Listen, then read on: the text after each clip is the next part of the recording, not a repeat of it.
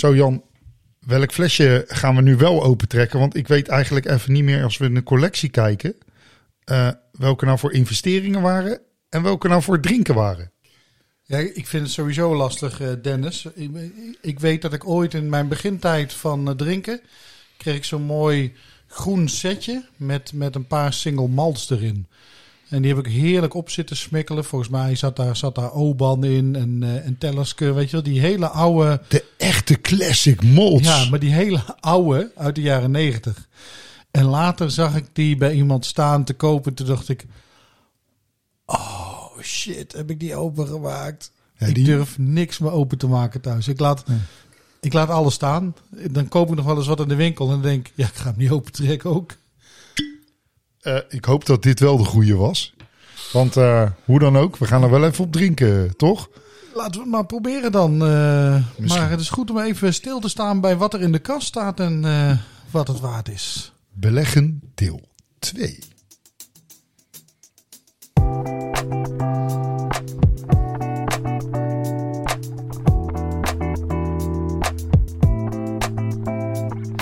Dit is Drop or Dram, de podcast voor whiskyliefhebbers. Van beginner tot kenner.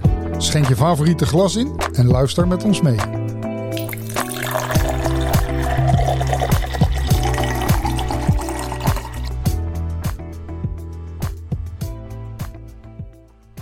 Hij ruikt wel lekker hoor, Dan.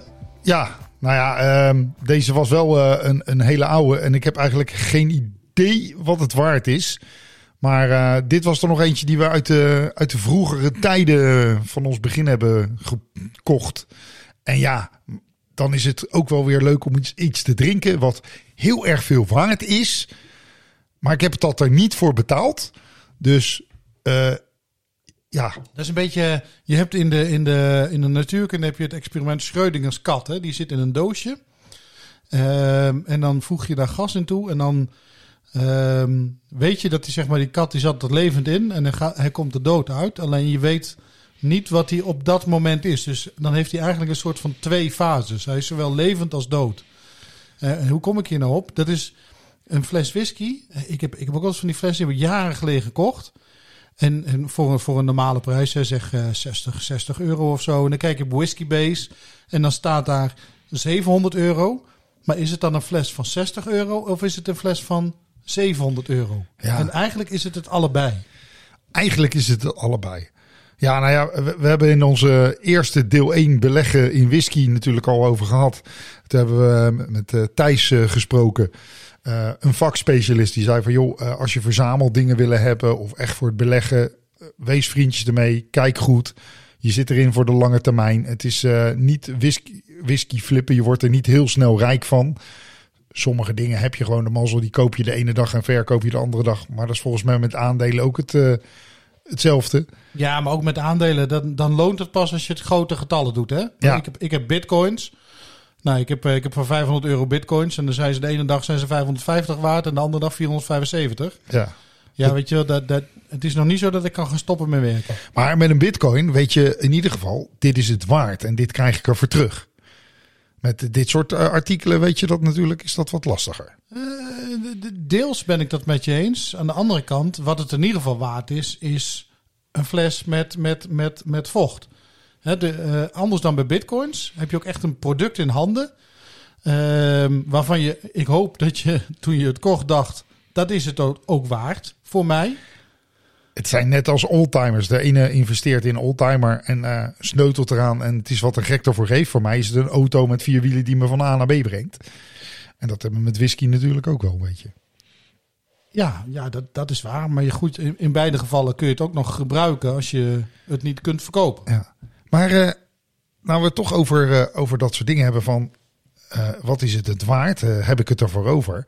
Maar wat is nou echt waarde? En als je het verzekert of verkoopt, wat, wat is nou waarde? Ik denk, ik denk dat we daar even in moeten duiken. En ik heb eh, wel ergens een nummer van eh, een eh, echte whisky-taxateur. Om eens even te kijken van, of die ons nou wat meer kan vertellen we er over volgens mij niet heel veel van in Nederland. Sterker nog, we hebben er volgens mij maar één. Zullen we hem gewoon maar even gaan bellen? We gaan hem even bellen.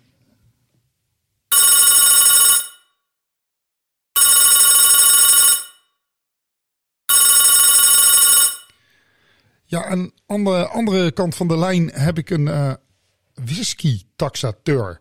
Ja, uh, we hebben het over investeren natuurlijk, verzamelen, uh, per investeren, diehard investeren. Maar ja, dan moet je natuurlijk wel weten wat je uiteindelijk hebt in huis en wat je ermee kan en hoe.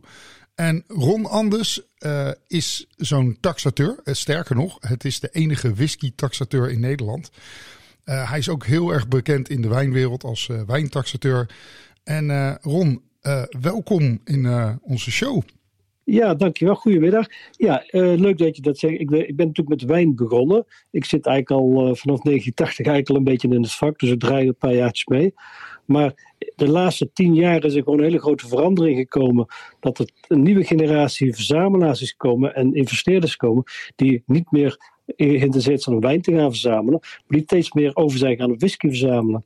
En heb je, dus, weet je eigenlijk verschillende soort verzamelaars, maar dit is een hele grote verandering. Ja, en daar hadden we het eigenlijk al in onze vorige uitzending over. Van, um, we hadden het over investeren. Het is hot, vooral onder jongeren op dit moment. Uh, zeker naar die, die, naar die nieuwe dingen gaan kijken. NFT's, crypto's, noem het maar op. Ja, uh, ja. Uh, zelfs de oude investeerders die gewoon goud, olie en dat soort dingen kijken ook verder dan de grenzen. Maar we zijn erachter gekomen, we hebben drie soorten ja, investeerders. Eigenlijk gewoon de verzamelaar. Uh, ja? Dat is helemaal niet echt bedoeld als investeren, maar die komt er langzaam achter, de per investeerder, dat die prachtige fles op zolder of in zijn kelder heeft staan, die een waarde hebben. En mm -hmm. nou, dan gaat hij wat verkopen, misschien wel of niet voor de oude dag. Maar dat is per ongeluk. En we hebben natuurlijk de diehard uh, investor van puur return on investment. Het maakt niet uit. Maar dan hebben we het over iets belangrijks, over ja, taxatie. Daar kan jij ons alles vertellen. Maar we hebben het al, we zeiden het al, waarde. Want iedereen heeft het gelijk over verzamelen, verkopen, inkopen, uh, waarde. Waarde is, is een beetje een magic word in deze.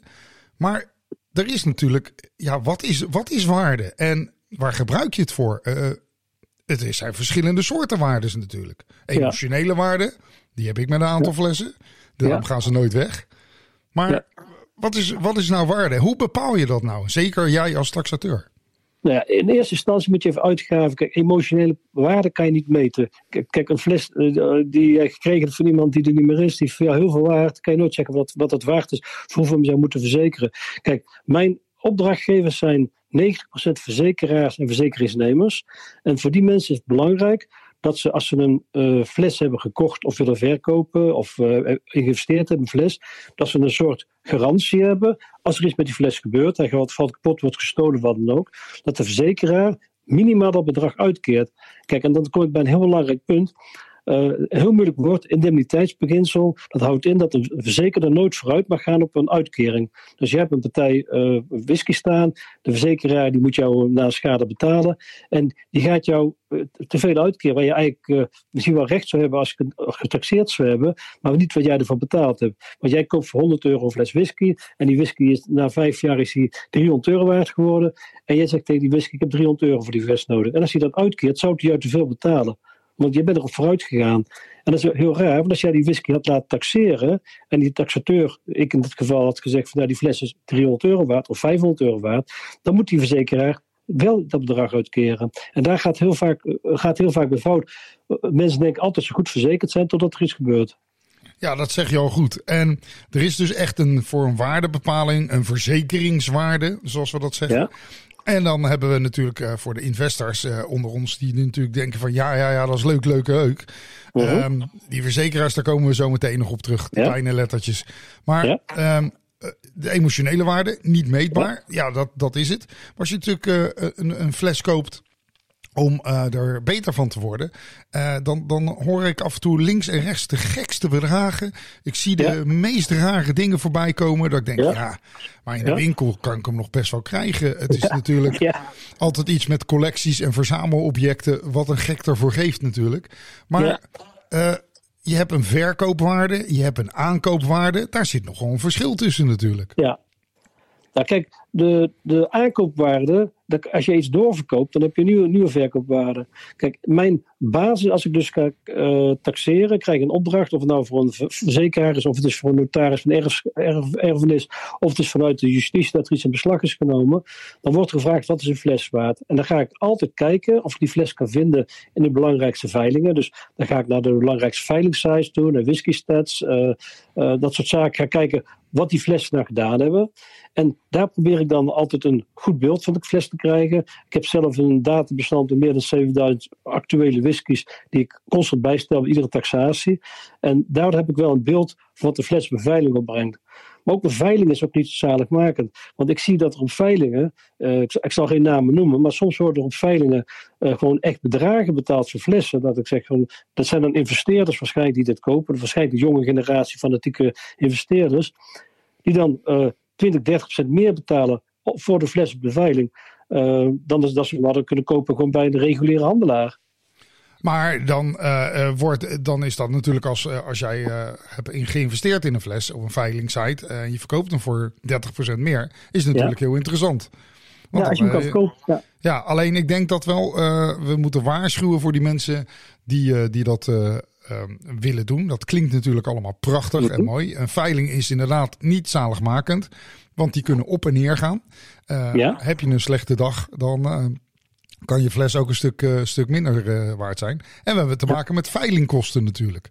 En die zijn gigantisch, hè? Want uh, als je gaat kijken, je hebt veilingen die vragen aan de uh, verkoper een, een, een, een, zeg maar een commissie van 5%, 10%, maar sommige vragen van 25%. Christus sprak 30%. als je gaat kijken naar de verkoopwaarde, het opgeld wat je moet betalen, kan ook nog eens oplopen tot 10, 15, soms 20%. Dus als je pech hebt, dan is het verschil tussen de prijs die de klant uh, betaalt en de verkoper misschien wel 30, 40 procent. En als je gaat kijken, dus het, hetgene waar je, je, winst uit gaat halen, wordt enorm veel gesproken over dat je goed moet uh, kunnen beleggen in whiskies, dat die prijzen toenemen. Dat is ook zo. Maar de meeste winst gaat naar de veilinghuizen. Dus als je meer dan 10% uh, per jaar of zo eruit kan halen, dan heb je de kosten van die veiling misschien uit. Maar dan moet je eigenlijk meer doen. Dus misschien moet je wel vijf jaar wachten om met die normale stijging uh, winst te maken, om die kosten van die veiling te dekken. Dus dan is het heel belangrijk dat je dus een goede keuze maakt welke fles je Ja, dus mensen kijken inderdaad op veilingsites en dan zien ze prachtige bedragen en denken ze, nou daar wil ik hem wel voor kwijt. En dan mm -hmm. vergeten ze eigenlijk dat er gewoon nog bijna 25% aan kosten vanaf gaat. Ja, ja. En ja, je moet hem ook nog eens een keer bij het veilinghuis zien te krijgen. ja. Dat is ook wel. En dan zeggen mensen, ja, ja, nee, maar dat, dat, dat zal wel. Maar uh, dan ga ik gewoon ergens bij liefhebbers uh, op, een, op een marktplaats-achtig, uh, Facebook-achtig, mm -hmm. Insta, ga ik hem gewoon verkopen. Maar ja, ja. dat hebben we al gehoord van onze vakhandelaar. Ja, dat gebeurt natuurlijk links en rechts wel. Maar eigenlijk kan dat natuurlijk niet. Dat mag ook officieel niet. Hè? Niet iedereen mag zomaar sterke drank verhandelen. Kijk, dan kan je zeggen, ik doe het als verzameling. Maar uh, ja, het mag niet. Je handelt een sterke drank. Iemand die het verkoopt, die handelt ergens in. Ja, en dat is denk ik wel even een, uh, een, een side note. Investeren in whisky, het klinkt heel erg mooi. Het is ook gewoon een prima product om in te investeren. Als verzamelaar uh, geen enkel probleem. Maar als je het echt als diehard investeren, uh, ja mensen, je moet het wel weer een keer van de hand doen. En dan zou je toch echt bij een officieel veilinghuis moeten aankloppen. Ja.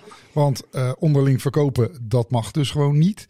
Uh, kijk of je het wel of niet doet, daaraan, uh, daar staan wij buiten. En wij als je het natuurlijk inderdaad naar een, ja, een vakhandelaar terug wil verkopen, want je zegt van hoe wat, dan hoor ik ook links en rechts wel eens, ja, maar hij is zoveel waard en die vakhandelaar biedt de helft. Dat kan ja. toch niet? Ja, nou ja, ik kan je dat uitleggen. Kijk, stel dat een, uh, een bijzondere fles, die wordt in de vakhandel voor 1000 euro aangeboden. Nou ja, dus ik heb die fles in mijn, in mijn, kast staan. Die denk die wil ik wel verkopen. Die is ongeveer 1000 euro waard. Dan ga ik naar zo'n vakhandelaar toe en zeg ik, wil je die niet overnemen van mij voor 1000 euro? Dan lacht hij me uit. Dan zeg ik, zo, hij kost, kost bij jou ook 1000 euro? Dan zegt hij, ja, nou ik ga het je even uitleggen. Uh, ik moet eerst plaats moet ik 21% btw uit, uithalen. Dan hou ik er maar 790 euro over. Maar daar moet ik nog iets voor kunnen verdienen. Een marge eruit halen. Maar die fles die hier staat voor 1000 euro, die staat hier al eventjes. Die heb ik nog niet verkocht. Ik wil hem wel verkopen, maar ik, ik verkoop hem niet. Dus ja, wat heb ik er voor zin, wat heeft voor zin om nou een fles neer te zetten hier, die ik ook niet verkoop? Kijk, stel dat ik hem nou voor de helft van de geld kan kopen, ik hem nou voor 500 euro kan kopen, dan zet ik een BTW op, mijn marge erop, dan kan ik hem voor een, misschien een scherpe prijs aanbieden en dan verkoop ik hem. Dus dan krijgt hij de helft van zijn prijzen voor. En dan zegt die mensen, de mensen van ja, ik voel me belast, hij biedt maar de helft. Maar dat is heel reëel, dat is gewoon de handel. Ja, dus dat is reëel. Dus daar moet je toch altijd wel een klein beetje rekening houden van als je investeert, uh, wat zijn waardes en wat is het. Het is dus niet altijd, uh, waarde kan je ook zien, het is de vraagprijs, maar het is niet de krijgprijs. Nee, maar dat is ook een, die vraagprijs is ook van belang. Ik ken dus slijters, uh, ik ben uh, met heel veel slijters goed, heb heel goede contacten vanuit het verleden, dat weet je. Ik heb uh, die zeggen van ja, ik heb klanten die kopen me altijd de mooie whiskies. En op een gegeven moment weet ik dat die dus een paar flessen of meerdere flessen gekocht hebben. En die whiskies zijn dan op. En dan krijg ik nieuwe klanten die zeggen: Kok, kan je er nog aankomen? Dan zijn er slijten die zeggen: Nou, ik wil best vragen even mijn klant of ze die fles willen terugverkopen. Maar uiteraard wil die klant de winst maken. En die slijten wil er ook eens op verdienen. Dan zeggen ze ook: Nou, ik kan er aankomen. Dan gaan ze even overleggen met de klant: Wil je hem nog verkopen? En dan, en dan zegt die klant: Ja, prima voor die prijs. En dan wordt, die dan wordt die fles duurder. En dan zegt die mensen, ja, maar hij was toch eens die prijs. Ja, maar ja, hij is er niet meer. En als er veel vragen dan gaat die prijs naar boven. En het is, ja, het is natuurlijk de laatste jaren zie je dat uh, constant gebeuren. Ja, je ziet het in alles uh, gebeuren. En ja, investeren is het. Maar ja, jij bent uh, taxateur. En je zei het al, voor verzekeringen, voor veilinghuizen. daar bepaal je een waarde. Ja? je bepaalt de waarde naar ja, het doel van wat het is. verkoop, verzekeren. Daar gaf je het al aan. Ehm, als mensen nou investeren in whisky. Uh, of dat ja. nou vanuit verzamelwoede is, of als liefhebberij om later ja. je hobby te bekostigen, of gewoon die hard investments. Um, waarom zou ik bij jou dat laten taxeren? Waarom, zou, waarom wil die verzekering van jou een taxatierapport?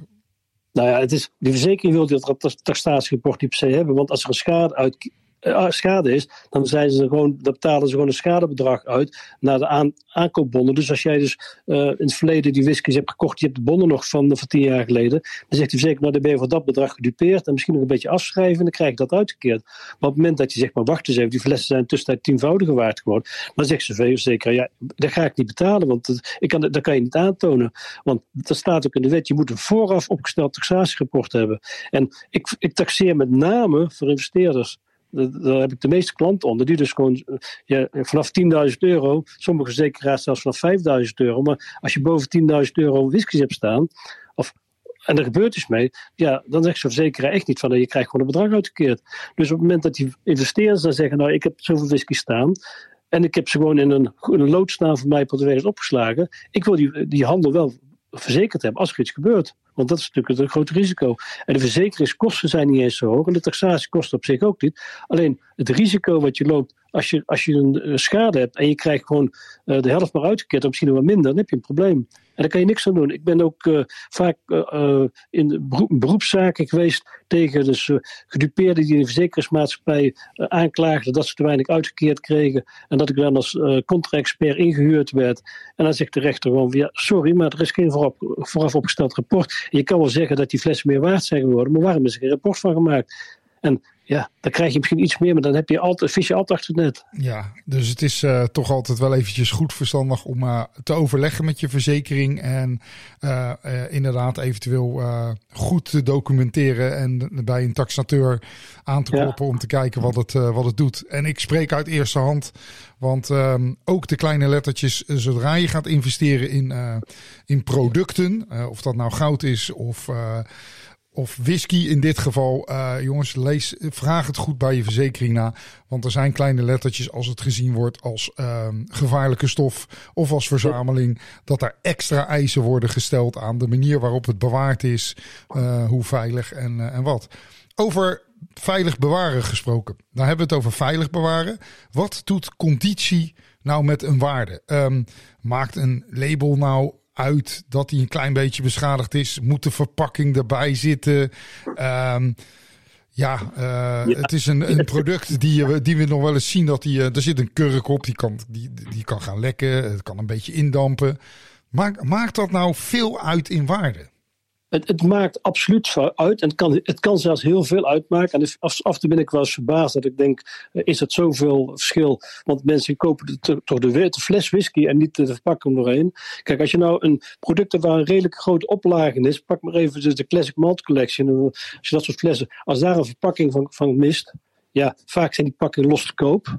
Heeft iemand hem opengemaakt en dan verkopen ze de verpakking. En uh, flessen zonder verpakking die brengen zeg maar een procent of tien minder op beveiling. Maar je ook wat zeldzamere verpakkingen worden, zeldzame flessen, kan het echt oplopen. Er zijn flessen die gewoon bijna niet verkoopbaar zijn omdat de originele verpakking weg is.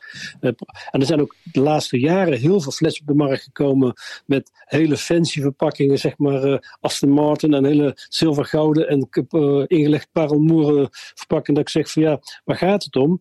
Dure karaffen uh, met hele dure verpakkingen. Ja, die zijn alleen maar te verkopen als die in een complete set zitten. Met een certificaat en alles erbij. En ja, ook, ook zo'n certificaat heeft dan heel veel waarde. Dan zeg ik, ja, maar als je gewoon een certificaat bij hebben ze gewoon gedrukt. Ja, dat, dat is wel genummerd en het hoort bij de fles. En daardoor is die fles veel meer waard. En als je dan zo'n fles tegenkomt die dat niet heeft, die brengt misschien maar de helft van het bedrag op. En dat zijn dure flessen. Dan praat je even duizenden euro's verlies, omdat je verpakking niet hebt. Maar voor de gewone uh, man die zegt van nou, whisky vindt het interessant. Uh, we hebben het vaak over de duurdere uh, projecten en de beduurdere flessen. -huh. Maar er zijn natuurlijk ook heel veel leuke flessen, pareltjes te vinden van oudere versies. Um, die niet zo duur zijn.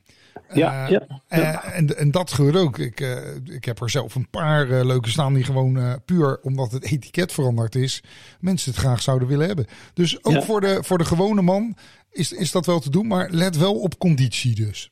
Ja, ja. Nou, de condities zijn heel belangrijk. Alleen uh, wat ik ook heel belangrijk vind is het vulniveau. Je komt natuurlijk oudere vissers vaak tegen dat, dat, dat ze gewoon wat uh, niveau verloren hebben. Wat, wat verdampt is. Een fles kunnen afgesloten worden met uh, speciale tape en dergelijke. Maar als een fles een lager niveau heeft, dan verliest hij gewoon waarde. En als die fles niveau heeft tot onderaan de schouder, ja, dan mag je blij zijn dat kan verkopen voor 10% van de waarde. Zoveel zelfs? Ja, dan brengt het uh, een fles die echt onderaan de schouder zit, die brengt echt beveiliging heel weinig op. En ook daarin moet je dus mee uitkijken. Ik, ik zie dus veilingwaardes voorbij komen. Dus ik ga een lijst ga uh, controleren en dan ga ik op zoek naar een fles. En dan zie ik die fles soms op een hele lage prijs staan. Maar dan ga ik kijken en dan blijkt dus de fles zijn niet laag afgevuld. Dus, maar soms denken mensen dat dat de waarde is. Ja, dus je moet altijd kijken welke fles het is. Of andersom, mensen die een fles hebben die slecht gevuld is, die hem gaan vergelijken met een goed afgevulde fles. Kijk, dit, dit soort tips, daar kunnen we allemaal wel mee. Dus voor de mensen die al aan het investeren zijn, of hier en daar een fles hebben, um, kijk daar, uh, daar goed naar. Um, met dat bewaren is dat natuurlijk ook van belangrijk. Ja, je zei het al, taxateren. Uh, het kost niet zo heel veel geld. Uh, het is niet zo extreem. Dus als je verzameling langzaam groter is geworden. en je denkt van nou, ik ga dat toch eens een keertje ergens verzekeren. Ja, het valt niet zomaar onder je inboedel. Uh, misschien is het handig om eens even aan de bel te trekken. en een taxatierapport laten opmaken. Um, als je nou tips hebt van mensen zeggen van ja, maar waar, waar vind ik nou dat soort bedragen? Want je zei het al, um, soms zie je de gekste bedragen wat ervoor gevraagd wordt. Maar dat wil niet zeggen dat je dat er dus voor krijgt. Um, veilingen, maar waar, waar moet je dat nou zoeken? Waar, waar moeten de mensen nou terecht? Wat kunnen ze nou zelf doen om een klein beetje huiswerk te doen als ze dit zouden willen doen? Ja, ik, ik waarschuw mensen altijd. De, de, bijna al mijn klanten die verzamelen zijn, de, de, zeg maar de flippersverzamelaar, die baseren hun waarde altijd op whiskybase. Dus dat, is, dat, dat zijn flippers? Wat zijn flippers? Ja, dat zijn in mijn ogen. Uh, soms zijn het liefhebbers die whisky drinken. En dan kopen ze zes flessen. Of kopen ze er uh, vijf door om die 60 graden te kunnen drinken. Maar vaak zijn het ook degenen die gewoon de nieuwe flessen opkopen. En dan weer doorverkopen. Alleen puur een winst te maken. En dat is, daardoor zie je dus dat de prijzen van sommige whiskies enorm omhoog gaan. En dat sommige flessen niet te koop zijn. Omdat die gelijk opgekocht worden en gelijk voor een hoge prijs doorverkocht worden.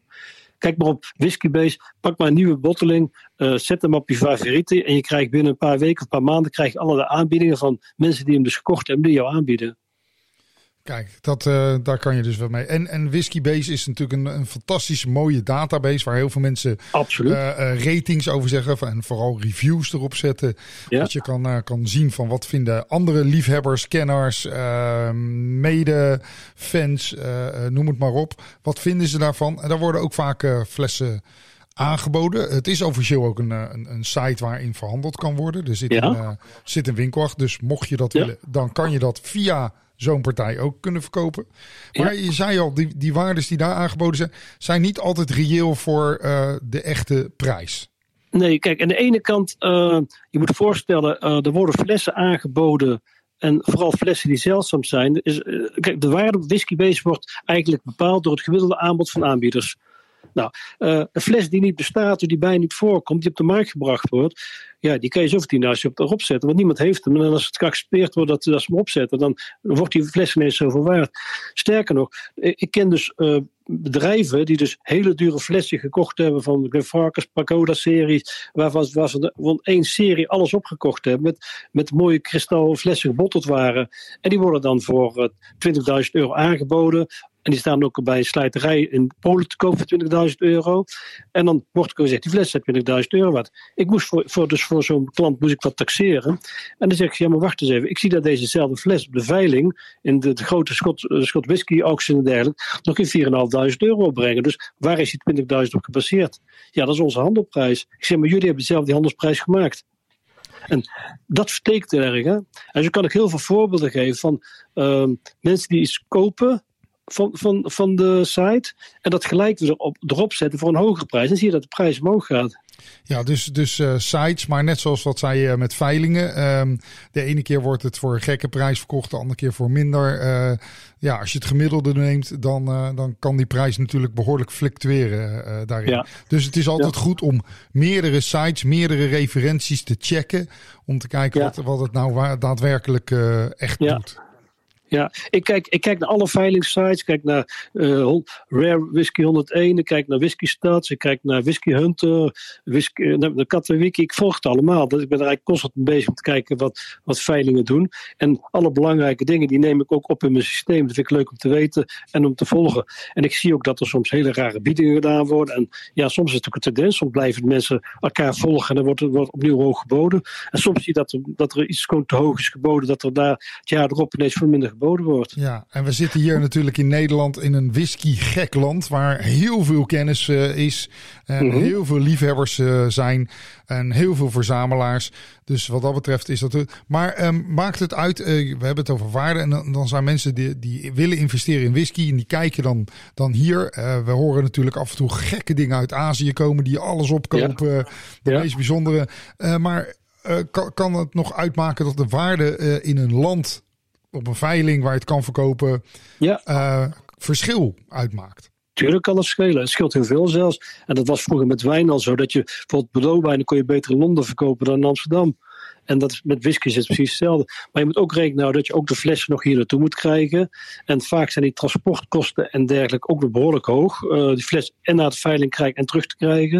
En dat vergissen mensen zich vaak. Dus uh, het is niet altijd zeker dat je de veiling die je hier hebt, dat het de beste veiling of de beste veiling in Engeland. Dus daar moet je ook rekening mee houden. Nou ja, Ron, uh, dankjewel voor deze gigantisch vele tips. Maar uiteindelijk is het leuke van het investeren in whisky dat je betaalt er wat voor. Uh, vaak is er toch wel een emotionele waarde aan. Want ja, je koopt ook een fles niet alleen voor het bedrag. Het heeft ook een mooie verpakking. Het heeft een mooi ja, verhaal. Uh, ja. En mocht die markt gewoon natuurlijk gigantisch in elkaar storten. Dan heb je altijd nog iets om je verdriet mee te verdrinken. Dus ja, dan heb je er nog in ieder geval wat beters aan, toch? Ja, ja zeker. Maar wat ik, wat ik ook een voordeel, wat ik dus heel erg duidelijk zie, dus nu in deze nieuwe generatie whiskykopers, zeg maar eventjes, maar dan laat ik alle groepen bij elkaar, is ten opzichte van de wijnhandel uh, die vroeger, vroeger was het de wijninvesteerders, er was een beetje een, ja, eenzelfde soort clubje mensen die wijn kochten. En er waren wel die puur voor het geld kochten, maar meestal waren dat ook wel de liefhebbers en dan vaak mensen wat geld hadden die dan dure kisten wijn kochten. Je ziet dat het heel erg veranderd is. Maar wat het mooie is met whisky, is dat de mensen die de whisky verhandelen, eigenlijk veel meer kennis van het product hebben dan de mensen die met die wijn bezig waren. Kijk, de mensen die met de wijn bezig waren, die kenden de Grand Cru van Bordeaux uit de hoofd. En die wisten de parkerpunten en de wijnspectatorpunten. En daardoor, was, dat was voor hun alles wat ze moesten weten. Maar kijk, een, uh, een château, zeg maar even Château Petrus. Er wordt maar één Château Petrus gemaakt. Om één keer per jaar is er een botteling van. Er zijn zo flessen van. Die zijn voor alle landen zijn die hetzelfde. Maar als je praat over een bekende uh, distilleerderij, ja, hoeveel, hoe vaak bottelen ze, hoeveel, uit, hoeveel uitgaven zijn er van, wie, hoeveel bedrijven, independent bottlers zijn er, welke landen importeren dat. Het zijn allemaal verschillende flessen. Dus als je dat allemaal wil volgen, um, ja, dan moet je veel meer verdiepen in het product. En daar zit het verschil in prijs in. Maar als je dus kan verdiepen in de juiste lijnen, als je weet wie de beste bottelaars zijn, wie de beste versies hebben, wie de beste series uitbrengen, ja, dan moet je je verdiepen. Kijk, met wijn is het gewoon kijken naar de gids en dan zeg je nou, uh, Chateau Petrus heeft 98 punten gekregen, dus je kan je wel kopen. Maar ja, met whisky is dat niet zo. Je moet wel weten welk flesje koopt. Maar daar hebben we in onze eerste uitzending hebben we daaraan gedaan. Te zeggen van, uh, mocht je daarover twijfelen of weet ik, ga op zoek naar je vakhandel. Laat, het vrij, laat je informeren bij je vakhandelaar. Die weet wat er uitkomt. Die weet wat er uh, zit. Juist, die weet ook hoe je daar aan kan komen. Een goede relatie met je vakhandel. Ga niet altijd online voor de goedkoopste bieder. Nee, uh, En ga gewoon zoeken. Um, Ron, super bedankt daarvoor. Uh, ja, als ik jou over taxeren en laat praten en over je wijn. En we gaan daar nog eens een keertje een uitzending over doen. Dan doen we dat in Proost de Drankenkast. Want uh, ja. dan ben jij niet meer te stoppen. Je staat ook bekend in de wijnwereld als de Flying Wine Buyer. Um, ja, maar als we nou meer willen weten over taxaties en, en, en de waardebepaling. Waar kunnen ze jou vinden? Uh, www.wijntaxaties.nl of whiskytaxaties.nl. Nou, simpeler kan het niet. Nee. Dus mensen, neem deze tips je allemaal ter harte. En uh, ja, wij gaan gewoon nog even verder uh, graven en zoeken. Ron? En als mensen vragen hebben, mogen ze altijd vrijblijvend vragen. Dat is nooit probleem. Dus doe ik ja, liefst plezier. Kijk, hartstikke mooi. Dank je wel voor zover. Oké, okay. nou, jij ook succes Dennis. Bedankt hè. Dag. Dag. Dit is Drop or Dram. Nou, die, die Ron Anders, die, uh, die praat nog sneller dan jij, man.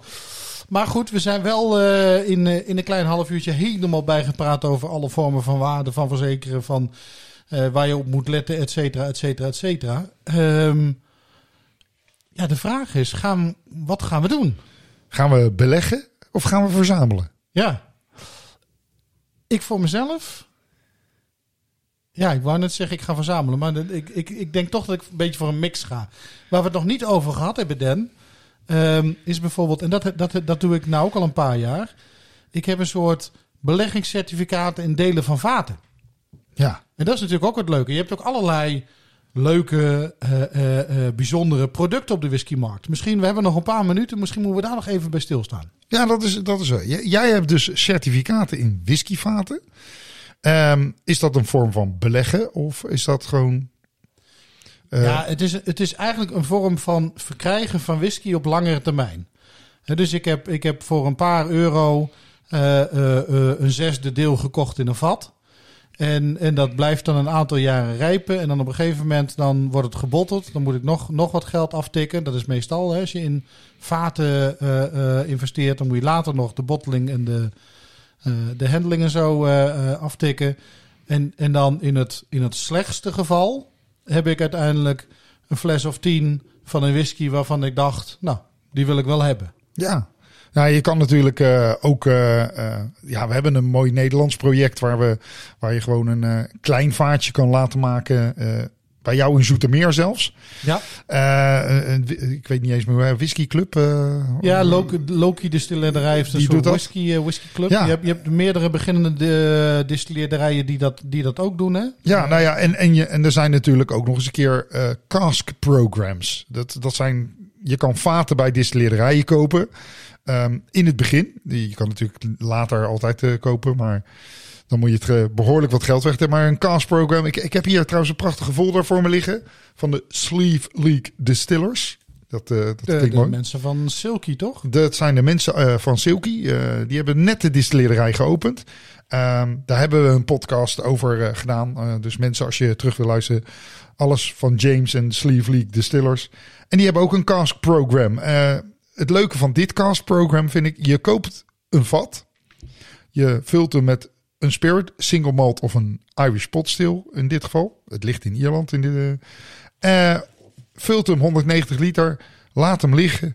En aan het eind van de rit uh, moet je, kan je hem af laten vullen, labeltje erop. En heb je, als je een beetje mazzel hebt, 350 flessen in bezit. Nou, dat, dat, uh, in ieder geval genoeg cadeaus voor de rest van de vaderdag. Ja, je moet altijd wel eventjes rekening houden dat je nog wat uh, belasting moet betalen, accijnsen en, en, dat soort dingen. Maar mocht je nou zeggen van ja, eh, dat is me even te veel geworden aan het eind. Dan eh, kan je hem ook weer terugverkopen aan de distilleerderij. En dan krijg jij 3% rente gewoon. Nou, beter dan eh, wat de gemiddelde bank doet. Eh, maar je kan ook zeggen van joh, 10 flessen uit dat vat, die wil ik wel overnemen. En de rest verkoop ik ook terug aan, eh, aan de distilleerderij. Dus het risico Ja. is heel minimaal. En voor hetzelfde geld is dit vat gewoon tien keer zoveel waard geworden in die vijf jaar. Hè? Ja, nou, het klinkt volgens mij voor, voor beide aantrekkelijk. Hè? Je loopt er niet al te veel risico mee. Ehm Silky ook niet, want 6000 euro lijkt me iets boven de productieprijs van een normaal vat liggen. Ook niet heel veel trouwens. Maar zij hebben dus wat zekerheid. Jij hebt wat zekerheid. Aan het eind van de rit eh, komt de whisky in de fles. En dan En dan Ja. kun je bepalen hoe je het ga gaat je doen. doen wat je wil. Ja. Dus eh, in het slechtste geval verkoop je het terug als je niet weet waar je het kwijt moet. Ja, of je moet een paar vrienden, weet je wel. eh, 350 flessen voor, voor mij alleen is wat veel. Maar als je een clubje hebt van een man of 15, dan heb je 20 flessen. Ja, en dan kan je het onderling, hè, dan is het. Want eh, dat blijft wel een beetje het probleem hè, met beleggen in whisky. Eh, hoe verkoop je het? Dat vertelde Thijs al. Eh, je moet dat toch via filing sites doen. Je moet dat toch via de lokale slijter. Want officieel mogen wij geen whisky verhandelen. Nee, particulier whisky eh, kwijtraken, dat is nog best wel, eh, dat is nog best wel een ding. Ehm, overigens, let er wel op mensen. Als je gaat beleggen eh, of investeren, je doet dat buiten toezicht van de AFM. Want al die producten zijn, zijn bijzonder leuk. Veel emotioneel ook. Maar ehm, niet allemaal even, even fiscaal betrouwbaar. En wat dat betreft, eh, in de Whisky Passion van eh, de, de eerste van dit jaar stond, eh, stond ook een mooi artikel over de Old Liquors ja, investerings. Ja, je, je investeerde in obligaties van, van whisky in het buitenland, waar oude flessen werden opgekocht. En daar kreeg je een rente over. En ja, die markt eh, die fluctueerde natuurlijk nogal. En dat is een beetje ondersteboven gegaan. Ja, op dit moment, eh dat, dat, schetst het artikel ook in ieder geval, zitten de investeerders met name te wachten. eh, überhaupt op eh, bericht, maar ook op, op, op de uitbetaling van hun obligaties.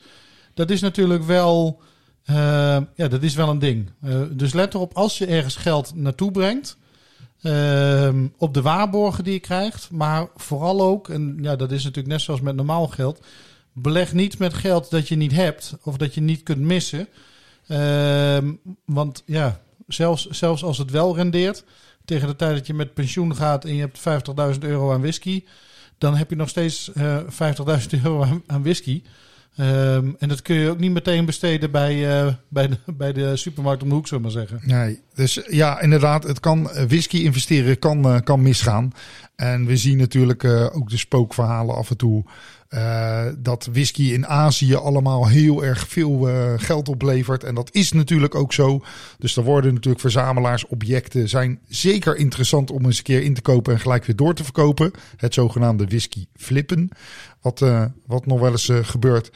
Maar dat zijn wel de uitzonderingen op de regel. Want in het grote gemeen beleggen is gewoon een risico. Ja, en, en verkijk je daar ook niet op. Het lijkt zo leuk, het lijkt zo makkelijk. Eh, we spreken nu eh, begin april eh, 2022. De Lagavulin 16 eh, is, is in de aanbieding voor een paar tientjes. En we weten dat die prijs binnen, binnen no time over de 100 euro heen gaat.